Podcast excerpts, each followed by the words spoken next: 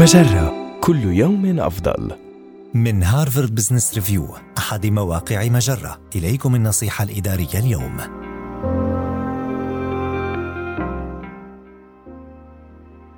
لا تشعر بالذنب حيال تفويض المهمات.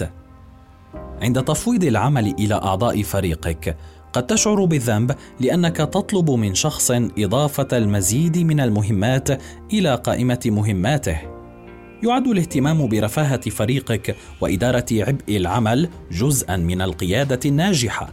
ولكن عندما يعوق الشعور بالذنب تفويض المهمات فهذا وضع لا مستفيد فيه. من الأساليب التي يمكنك تجربتها هو تغيير طريقة تفكيرك في هذا الطلب. على سبيل المثال حاول التفكير في تفويض المهمات على أنه فعل ينم عن ثقتك بموظفيك ويمنحهم فرصة لإثبات أنفسهم والنمو. وإذا كان أحد أعضاء الفريق يحاول التعامل مع أولويات متضاربة فيمكنك مساعدته على إعادة ترتيب الأولويات إذ اقتضت الضرورة أو إعادة توجيه طلبك إلى عضو آخر يمكنه تولي هذه المهمة. بعد تفويض المهمات. تحقق من التقدم الذي أحرزه أعضاء فريقك بانتظام لتقديم الملاحظات والتدريبات على طول الطريق.